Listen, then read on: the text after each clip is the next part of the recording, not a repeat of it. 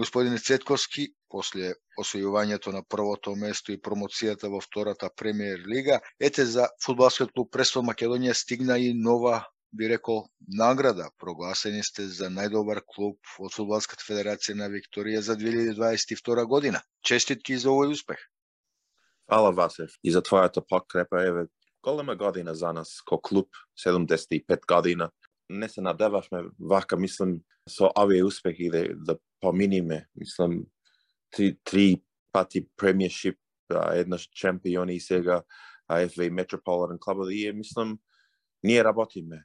Управата, тренериве, играчите, народот, родителите, сите заедничко се надеваме дека запарно работиме, а еве вак награда е, мислам, еден степен, еден чекор напред. Имаме долг пат. Се надеваме дека до години и со јуниорите, се надеваме еве сега Сашо Огненовски, ние футбалски директор, треба да се спремваме и за јуниорите, некако да ги подкремниме еве во петокот имав шанса со со фудбалската федерација се надевам дека за за година и ќе влеземе во Junior NPL. Значи ова над, награда е за нас а, многу важна.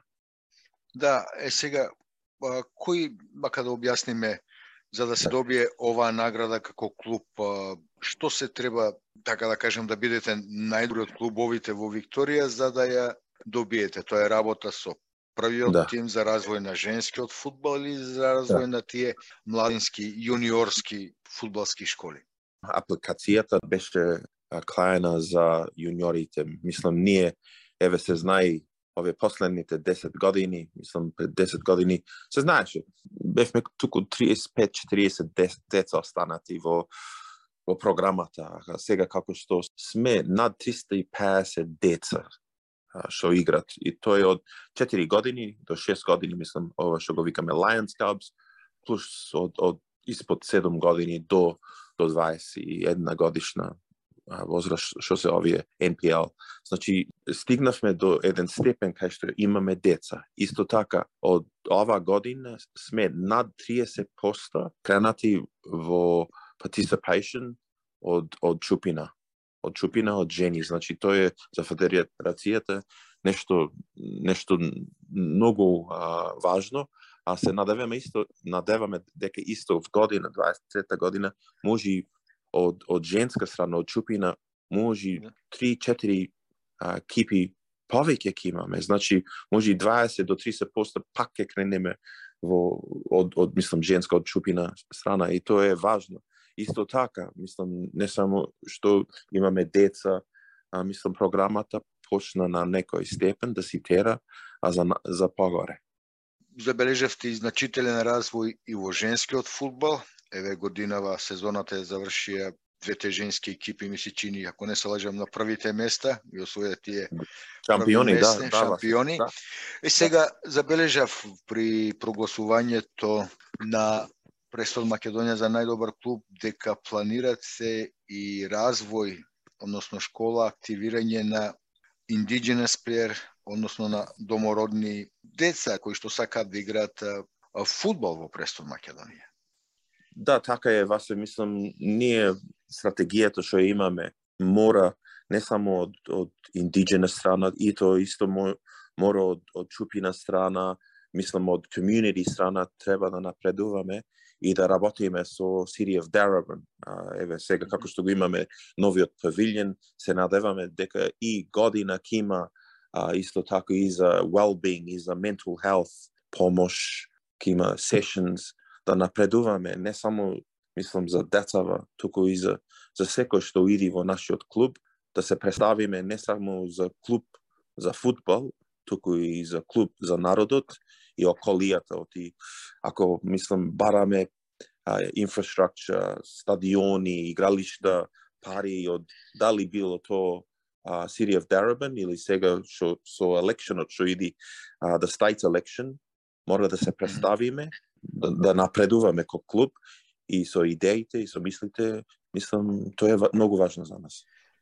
Сега би ја префрлил топката на друго поле на, и на теренот. Колку оваа награда може да ви помогне во заложбите на клубот бидејќи клубот сака да биде дел од она нова лига, втора лига во Австралија или национална лига, како ја се уште ја нарекуваат, што треба да се формира доправа во наредните години.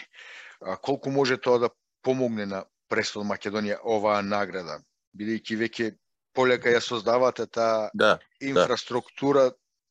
за условите што ги бараат во една таква лига со развој на првиот клуб, женски фудбал, јуниори. Да, се мислам ова е важно. Е, мислам ова е една прилика, мислам наградата, ама ние ке сме мислам мерени, мерени, мислам е зборот um, околу многу uh, мислам factors по, по енглески да го речам. Еве сега ова недела uh, сум во Сидни uh, со клубовите што а се надеват дека ќе бидат во оваа нова лига, ќе се вика, дали ќе се вика National Second Division, не се знае, ама знаеме дека ќе се аплицира а, рано во, во новата година, 23 година. Да. Да, а ќе се почне лигата во 24 година. Дали тоа ќе биде во март или април не се знае, ама ние ко клуб, ко председател, ко управа, клубот Престон Македонија, Престон Lions, мора ние да си тераме по патот со стратегијата што имаме, мислам, оти ние ке сме, мислам, мерени, не гледат, мислам, сите клубови од федерациите, дали било то од играчи, од стадиони, од тренери, од деца, од управа, од женска страна, мислам, е важно ние сите работи да, да ни се во место, на место, готови да влезиме, да. Престон годинава славеше и 75 години од постоењето. Сега свртувате нова страница, нов лист, предпоставувам дека ќе има и нови лого, нови амблеми во спортската опрема, во, во презентирањето на клубот. Да, ба се, еве се, се како што зборуваме, се надевам дека еве оваа година многу успешно ќе ја завршиме и ќе почнеме со нов бренд, бренд што што го викаме за година. А, имаме доста нови играчи подпишано исто така за една недела ќе почне на social media да се да се шири.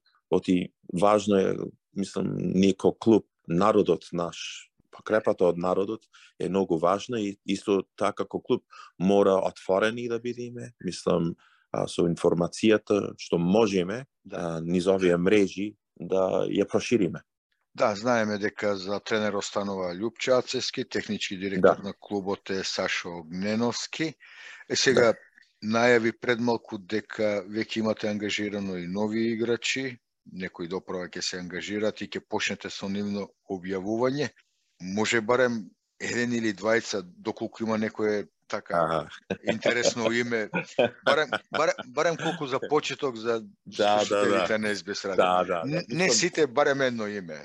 Да, да, ба, барем, барем еден, ај, ај, да го речиме, мислам, секој ден, дали е на, дали ќе ме застане некој ќе ме праша, за истиот човек стално ме прашуват и тој е, мислам, тој е за Конор Бел прв ме прашуват кона до кај е, детето си оди дома, живеј да. во Ньюкасл, во, во Енглес. Си оди, а таму исто така игра и тој ќе се врати, а кона има подпишано за две години. Значи, ова е за прв пат во, мислам, овие последните години, сите играчи што ќе ги подпишиме, како што исто Конор, се подпишани за две години на professional contracts. Да. Значи, еве како што одиме напред и се надеваме дека а, со успех може да влеземе во новата лига, мора исто така играчите да си ги чуваме, оти овај, мислам, фудбалот во Викторија ни засради моментално. Е до, доста жежок од, од да, други да. екипи што не знаат ко чампиони, знате дека и исто играчите ни се доби и сакат ако можат да ги подпишат, ама да. еве како Конор, кој најдобар играч во Викторија, што беше награден, беше од најпрвите играчи да да подпиши за две години. Добро, да. благодарам. Значи едно име, еве и слушателите ќе слушнат Конор Бел, нивниот миленик, значи останува во клубот. За другите оставам на вас да си ги објавите на социјалните медиуми. Пред да го завршиме разговорот, само уште накратко, веројатно веќе плановите ви се готови. Кога планирате со започнување на подготовки за следната сезона?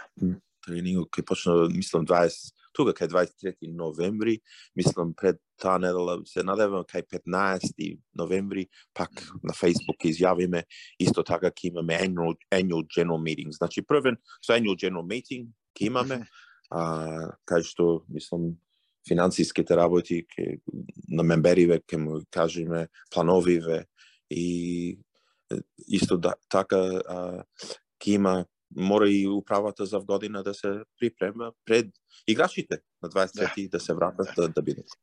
Господине Цетковски, на вистина фудбалски клуб Престон Македонија заслужено е прогласен за најдобар клуб во Викторија во својот развој, за својата работа, за придонесувањето на развојот на фудбалот во Викторија. Честитки уште еднаш и благодарам за разговорот. Хвала многу вас.